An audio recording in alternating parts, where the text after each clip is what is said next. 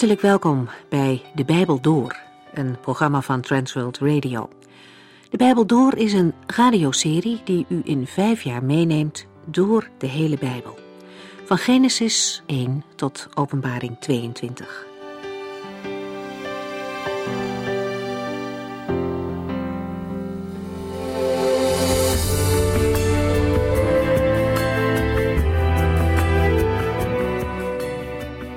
Van deze serie over de brief aan de Galaten zijn opnames gemaakt, die kunt u op DVD bestellen. Alle informatie vindt u op www.transworldradio.nl. U kunt de afleveringen zelfs online bekijken. Luisterpost.nl Vandaag het tweede deel van Galaten hoofdstuk 4. We hebben in deze brief veel over de wet gesproken, de wet die God via Mozes bekend maakte. Die wet was als een opvoeder, de wet hield mensen gevangen, de wet liet zien wat er allemaal mis was.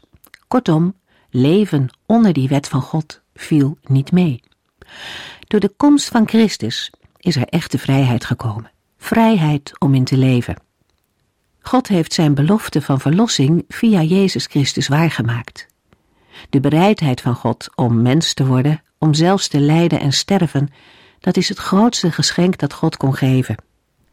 Paulus is niet voor niets ten einde raad als hij merkt dat de gelovigen hun vrijheid in Christus weer dreigen in te ruilen voor de gevangenschap van de wet.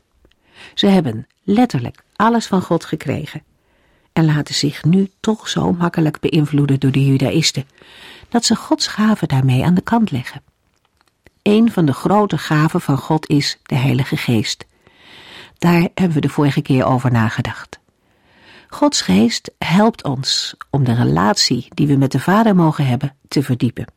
Hij leert ons God beter te begrijpen. Hij overtuigt ons van de waarheid dat we God Vader mogen noemen. De Heilige Geest leidt ons in dit leven. En hoe is het mogelijk dat jullie nu terug willen keren, roept Paulus uiteindelijk de Galaten toe. Hij maakt zich grote zorgen over de hang van de gelovigen naar de regels van de wet terwijl de Heere God zoveel beters voor hen heeft. Vandaag lezen we verder hoe Paulus hen hiervoor waarschuwt. Gelaten 4 vanaf vers 12.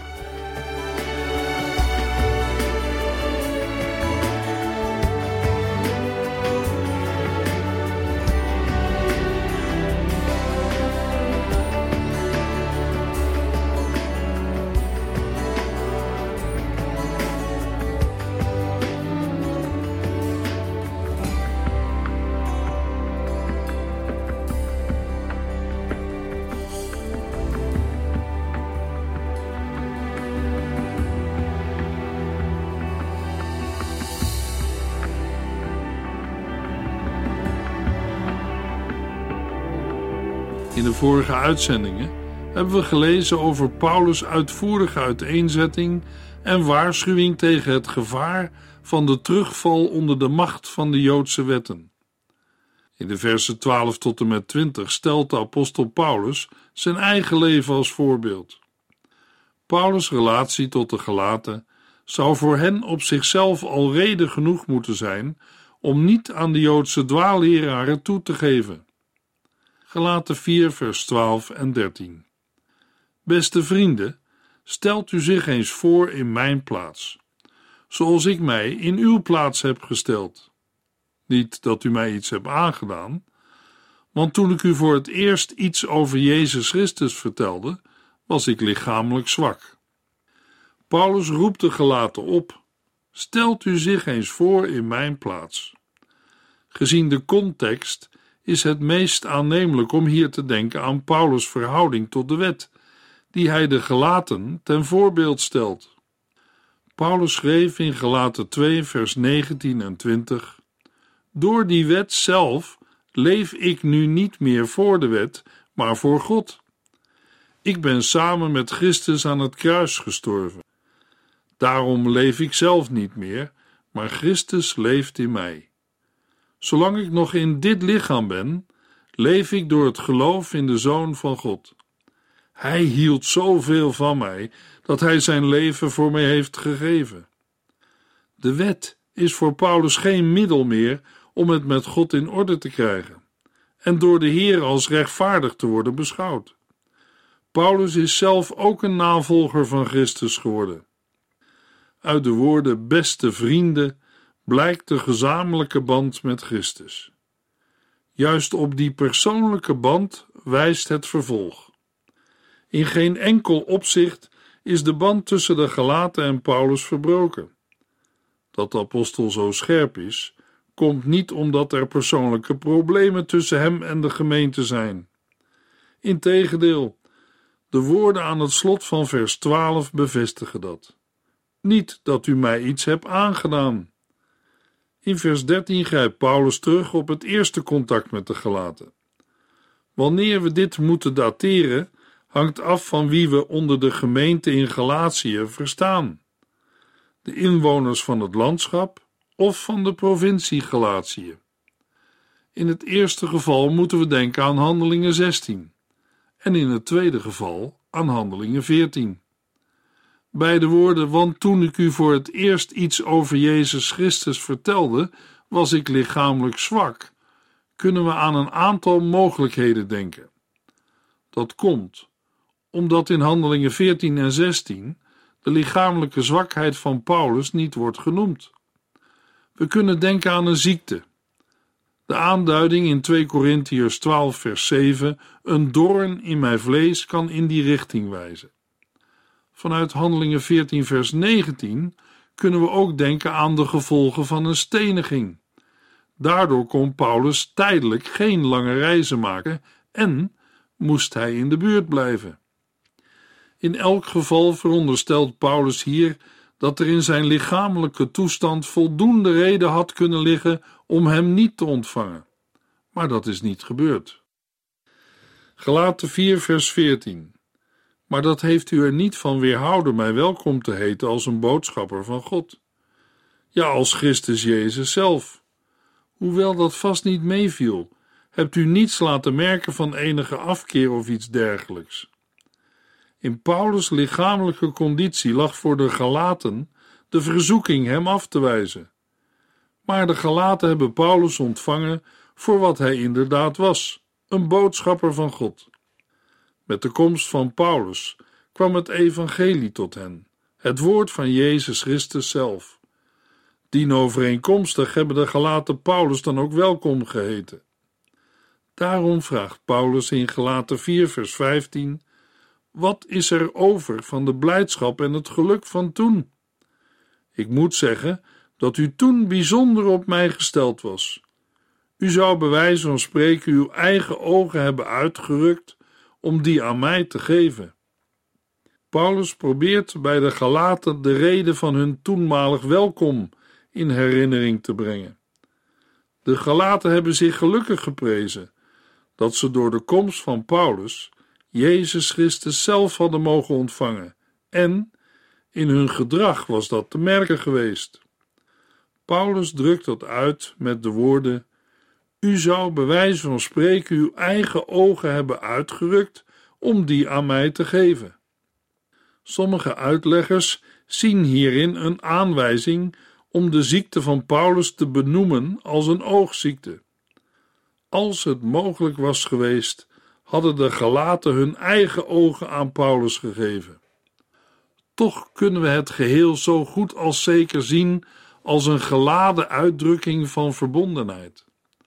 Het beeld van de oogappel als het meest kostbare wat iemand bezit, komen we vaker tegen in de Bijbel.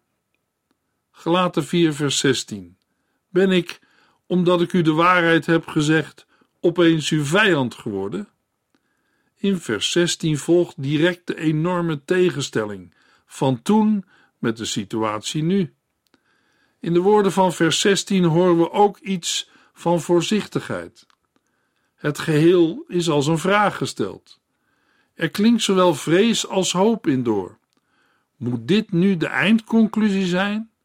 Ben ik opeens uw vijand geworden? Gelaten 4, vers 17 en 18. De valse leraren, die zo graag bij u in de gunst willen komen, doen dat niet voor uw bestwil. Nee, zij proberen wicht tussen u en ons te drijven om u helemaal voor zichzelf te hebben. Inspanning voor een goede zaak is natuurlijk prachtig. Maar u moet dat altijd doen, niet alleen als ik bij u ben. Wie de valse leraren zijn, weten de gelaten maar al te goed. Inspanning voor een goede zaak is op zichzelf te prijzen, maar niet de inspanning die de valse leraren aan de dag leggen.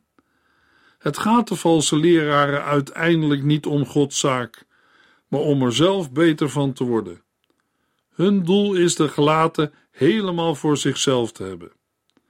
In Gelaten 4 vers 9 stelde de apostel al de vraag: Wilt u soms weer slaven worden van de armzalige en krachteloze wereldmachten? Als de wet in plaats van de genade komt te staan, zullen de bevoegde uitleggers van de wet in de plaats van de apostel komen. Ja, nog erger, in de plaats van Jezus Christus zelf. De Galaten kunnen ervan verzekerd zijn dat het juk van de valse leraren heel wat zwaarder is dan het juk van Jezus Christus. Met de woorden: Maar u moet dat altijd doen, niet alleen als ik bij u ben, wil de apostel de Galaten wijzen op het verleden en stelt hij hen voor de keus. Laat de vroegere trouw van de Galaten toch geen bevlieging zijn. Het evangelie heeft toch evenveel gelding als Paulus niet meer lichamelijk bij hen aanwezig is? De juiste inspanning moet voor de gelaten, en ook voor ons, gericht zijn op een leven volgens het evangelie. Dat evangelie heeft Paulus hen verkondigd, en van dat evangelie is hij een apostel. Paulus had ongeveer hetzelfde aan de gelovigen in Korinthe geschreven toen ik bij u was, is in alle opzichten gebleken dat ik een apostel van Christus ben. Met grote volharding heeft de Heere door mij wonderen onder u gedaan en bewijzen van zijn macht gegeven. In welk opzicht heb ik u minder behandeld dan de andere gemeenten? Dat ik niet op uw kosten heb geleefd? Wel, dat moet u mij maar vergeven. Ik sta op het punt voor de derde keer naar u toe te komen, en ik zal u weer niets kosten. Want ik wil uw geld niet, ik wil u zelf. U bent uiteindelijk mijn kinderen, en kinderen moeten niet voor hun ouders zorgen, maar ouders voor hun kinderen. Dezelfde groep Judaïsten was naar Korinthe gegaan. De Korinthische gelovigen hadden ook van Paulus gehouden, en Paulus moest ze waarschuwen voor deze mensen. Valse leraren zijn vaak heel aantrekkelijk. De waarschuwing van de apostel Paulus aan de christenen in Korinthe en Galatië is ook vandaag geen overbodige luxe. Galaten 4 vers 19 Mijn kinderen, u doet mij echt weer verdriet. Ik voel dezelfde pijn als een vrouw die bevalt. Zo sterk is mijn verlangen dat Christus in u zichtbaar wordt. Opnieuw appelleert Paulus aan de nauwe verbondenheid tussen hem en de gelaten. Hij kan hen zijn kinderen noemen. Hij heeft hen door de verkondiging van het evangelie tot hun eerste leven in Jezus Christus gebracht. In 1 Corinthiërs 4 vers 15 gebruikt Paulus het beeld van een vader. In Gelaten 4 dat van een moeder. Maar het gaat om dezelfde zaak. Zoals Christus leefde in Paulus, zo had hij door de prediking ook in de gemeente gestalte gekregen. Volgens Gelaten 3 vers 28 zijn de gelovigen in Christus Jezus één geworden. Doordat het geloof kwam, werd de gemeente van Christus bepaald door in Christus te blijven. Maar door het toegeven aan de eisen van de valse leraren, verloochenen de gelaten dit in Christus zijn, doordat ze hun leven opnieuw onder de eerste beginselen van de wet stellen. Daarmee maken ze zich los van Christus. Als Paulus hen nu opnieuw op het evangelie wijst, is er als het ware een compleet nieuwe geboorte nodig om hen weer bij Christus terug te brengen. Opnieuw gaat dit voor Paulus met geboorteweeën gepaard. Ik voel dezelfde pijn als een vrouw die bevalt. Gelaten 4 vers 20 Het liefst zou ik nu bij u zijn. Dan zou ik u op een andere toon kunnen toespreken. want ik weet eigenlijk niet wat ik met u aan moet. Paulus geeft aan dat hij niet in staat is zelf naar de gelaten toe te komen. Het is voor ons niet meer te achterhalen waarom dit niet kon. De apostel geeft aan dat hij, als hij bij hen zou zijn, de gelaat op een andere toon zou toespreken. Dan zou de toon van de vermaning misschien ook kunnen veranderen. De zorg van Paulus voor de gemeente brengt hem tot een scherpe veroordeling van het gedrag van de gelaten. Daarmee krijgt de brief een vermanende toon. Dat begon al in Gelaten 1 vers 6, waar de apostel moest schrijven: Het verbaast me dat u God zo vlug de rug hebt toegekeerd en een ander evangelie gelooft dat helemaal geen evangelie is. De woorden, want ik weet eigenlijk niet wat ik met u aan moet, geven aan dat de apostel in twijfel is. Hij weet niet goed wat hij moet doen. Paulus ziet dat de gelaten zich aan de fascinerende betovering van de dwaalleer gewonnen dreigen te geven. Ook vers 20 laat iets zien van de nauwe verbondenheid en liefde tussen de apostel en de gemeente. Tegelijk wordt de kloof steeds duidelijker tussen Paulus en de gemeente van Galatië. Gelaten 4 vers 21 Luister, vrienden, u denkt nu wel dat u de wet moet gehoorzamen, maar probeer dan eens te ontdekken wat er precies in die wet staat. Na de persoonlijke uitweiding volgt in de verse 21 tot en met 31 een zakelijke argumentatie vanuit de wet van God zelf. Het gaat nog steeds over de verhouding wet en belofte, zoals die vanaf gelaten 3 aan de orde is. Opnieuw begint Paulus een nieuw element in zijn uiteenzetting met een vraag aan de gelaten. Luister, vrienden. Paulus stelt vast dat de gelaten hun leven opnieuw onder de wet willen stellen. De wet is hier de wet die ons gevangen houdt onder de macht van de zonde, zoals vanaf gelaten 3 vers 1 uitvoerig is aangetoond. Maar, vraagt Paulus, luistert u dan niet naar wat de wet zelf zegt? In deze tweede zin wordt met de wet de vijf boeken van Mozes bedoeld. De dwaalleraren kunnen zich misschien beroepen op de wet als Gods woord, maar dat kan Paulus ook. De apostel wil de wet benaderen vanuit het totaal van Gods openbaringsgeschiedenis, zoals hij dat al deed in Gelaten 3. Gelaten 4, vers 22. Er staat namelijk in dat Abraham twee zonen had een van zijn jonge slavin Hagar en een van zijn eigen vrije vrouw Sarah. Paulus beroept zich nu niet op een bepaalde letterlijke tekst, maar op een tekst geheel in zijn verband in Genesis. Abraham had twee zonen. Daarmee worden andere zonen niet uitgesloten, maar het gaat om de vergelijking tussen Ismaël en Isaac. Ismaël werd geboren uit de slavin Hagar. Isaac werd geboren uit Abrahams eigen vrije vrouw Sarah. We horen de tegenstelling van vers 5 doorklinken. Een van zijn jonge slavin staat tegenover een van zijn eigen vrije vrouw Sarah. Als we letten op de afkomst van de beide kinderen, komt de tegenstelling het scherpst naar voren. Namelijk op de wijze waarop Abraham Ismaël en Isaac heeft verkregen. Gelaten 4, vers 23. Dat Hagar een kind van Abraham kreeg, was een natuurlijke zaak.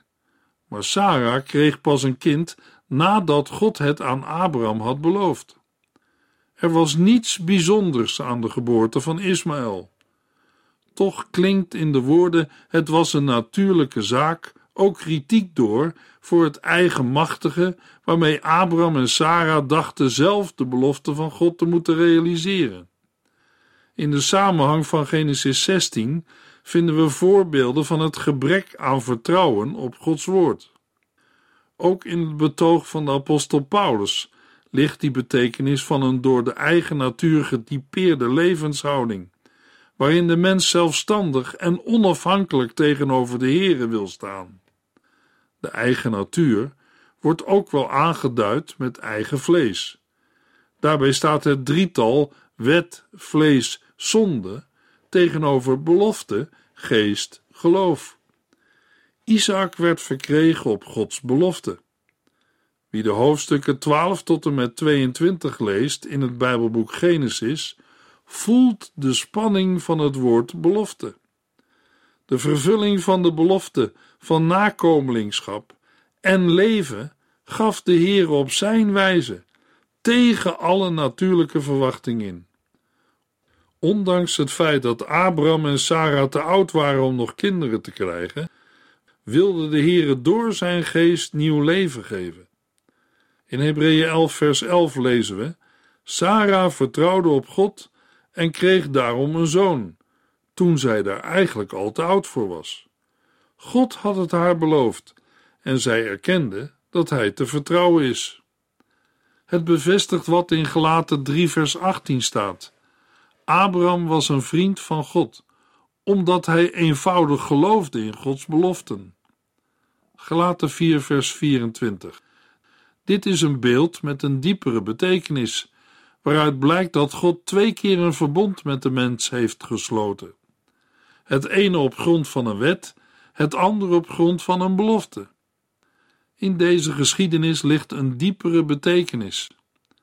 Daarmee bedoelt Paulus niet de methode van Bijbeluitleg, die later de naam allegorie zou krijgen. Het uitgangspunt van Paulus ligt in de concrete openbaring van God in de geschiedenis van zijn volk. Van daaruit herkent de apostel in wat hij in zijn eigen tijd ziet de hand van dezelfde God, die ook al werkte in de geschiedenis van Abraham. Op die manier krijgt de oude geschiedenis van Abraham een nieuwe betekenis voor de tijd van Paulus, maar ook voor vandaag. Zo handelt de Heer nog steeds. In de twee zonen ziet Paulus de vertegenwoordiging van twee verbonden. Niets vreemds voor een Oosterling, die veel sterker dan wij in de lijn der geslachten denkt. In die zonen gaat het om twee geslachten, ieder met een eigen relatie tot God. Eerst werkt Paulus de lijn van Hagar uit. Totaal onverwacht voor Joodse oren stelt Paulus dat het verbond dat vanaf de berg Sinaï geldt, op deze lijn gezien moet worden. Nota bene het verbond dat de basis van het leven van het uitverkoren volk is, wordt hier gelijkgesteld met het verbond van God met het geslacht dat hij verworpen heeft, de lijn van Hagar en Ismaël, de stamvader van de Arabieren. De overeenkomst ligt voor Paulus in het slaaf zijn van Hagar. Daarom zijn ook haar kinderen vanaf hun geboorte slaven. En deze slavernij is ook het wezenlijke kenmerk van het leven van die Joden, die het nog steeds van de wet verwachten. Gelaten 4, vers 25. Het verbond van de wet werd gesloten op de berg Sinaï in Arabië. Daar verwijst Hagar naar. De slavin Hagar is het symbool van het tegenwoordige Jeruzalem, de moederstad van de Joden. Haar kinderen leven allemaal onder de slavernij van de wet. Zoals Hagars kinderen vanaf hun geboorte slaven waren, zo zijn ook alle die nog onder de wet zijn in slavernij. Welk verband Paulus daarbij legt tussen Hagar en de berg Sinaï is niet duidelijk. We zullen moeten denken aan het feit dat Hagar bekend was als stammoeder van de Arabieren. Hun woongebied was blijkens het Oude Testament en andere teksten niet beperkt tot wat tegenwoordig Arabië wordt genoemd, maar omvatte ook het Sinaï-gebergte. Gelaten 4, vers 26. Maar onze moederstad is het hemelse Jeruzalem, en zij is vrij, zij is geen slavin van de wet. Tegenover het tegenwoordige Jeruzalem stelt Paulus hier niet, zoals we zouden kunnen verwachten, het toekomstige Jeruzalem. Die tegenstelling komen we veel tegen in de Joodse toekomstverwachting en ook op andere plaatsen in het Nieuwe Testament. Paulus stelt in Gelaten 4: in een bepaalde zin is die verwachte toekomst al aangebroken. Onze moederstad is het hemels Jeruzalem, van waar wij nu al het leven ontvangen. Dat leven dat zij ons schenkt, is niet een leven in slavernij, maar in vrijheid. Want de kinderen van dit Jeruzalem ontvangen het leven niet uit de wet, uit wat zij zelf hebben te doen, maar uit genade. Met dit beeld wijst de apostel op Hem die het leven geeft, die boven is, aan de rechterhand van de Vader. Dat Jeruzalem als vrouw of als moeder wordt aangesproken, is heel bekend in het Oude Testament. In Psalm 87, waarin de inlijving van de niet-Joden in Israël wordt bezongen, staat in de Griekse vertaling in vers 5 dat al die volkeren zullen zeggen: Moeder Sion. Paulus zegt in Gelaten 4: De vervulling daarvan is ons met de komst van Christus gegeven. Niet door het houden van de Joodse wetten, maar door de genade waarmee God in Christus naar ons is toegekomen. Daarom kunnen wij, als we bij dit Jeruzalem horen, ons niet weer onder de wet plaatsen, maar zijn wij principieel in de vrijheid overgezet. Dat is het karakter van het tweede verbond van vers 24. Gelaten 4, vers 27 tot en met 31. Dat bedoelde de profeet Jezaja ook toen hij zei: Kinderloze vrouw, wees blij. Jubel het uit van vreugde, al bent u nooit moeder geworden. Want de verlaten vrouw heeft meer kinderen dan de vrouw die een man heeft. En u bent, net als Isaac, kinderen die God aan Abraham heeft beloofd. Zoals de zoon van de vrije vrouw vervolgd werd door de zoon van de slavin, worden nu de mensen die uit de Heilige Geest geboren zijn, vervolgd door hen die onder de slavernij van de wet leven. Maar in de boeken staat tegen Abraham werd gezegd: stuur de slavin in haar zoon weg, want de zoon van de slavin zal de erfenis niet delen met de zoon van de vrije vrouw. Nu, broeders en zusters, wij zijn geen kinderen van de slavin die zich aan de wet moet houden. Nee, wij zijn kinderen van de vrije vrouw.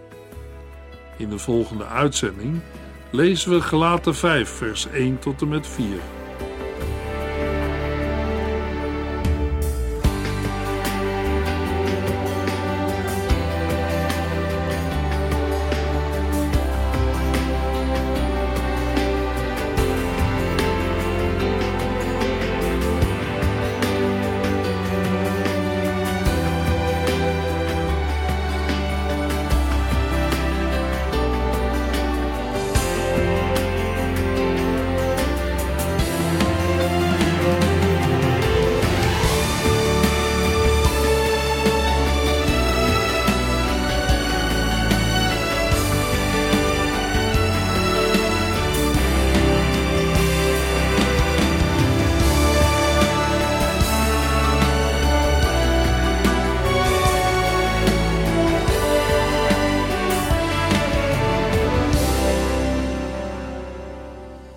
Geluisterd naar De Bijbel Door.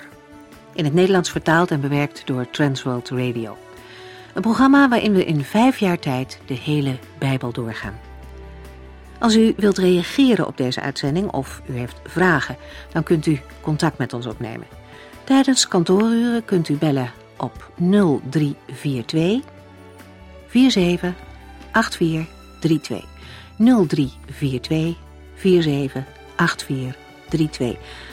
Ook kunt u een e-mail sturen naar de Bijbel door transworldradio.nl en natuurlijk kunt u ook via de post ons bereiken. TWR, postbus 371, postcode 3770, AJ in Barneveld. Dit programma werd gepresenteerd door Cor Weda en Ike André. Techniek was in handen van Odin van Woerdekom. En wij allemaal bedanken u voor het luisteren. Graag tot de volgende keer.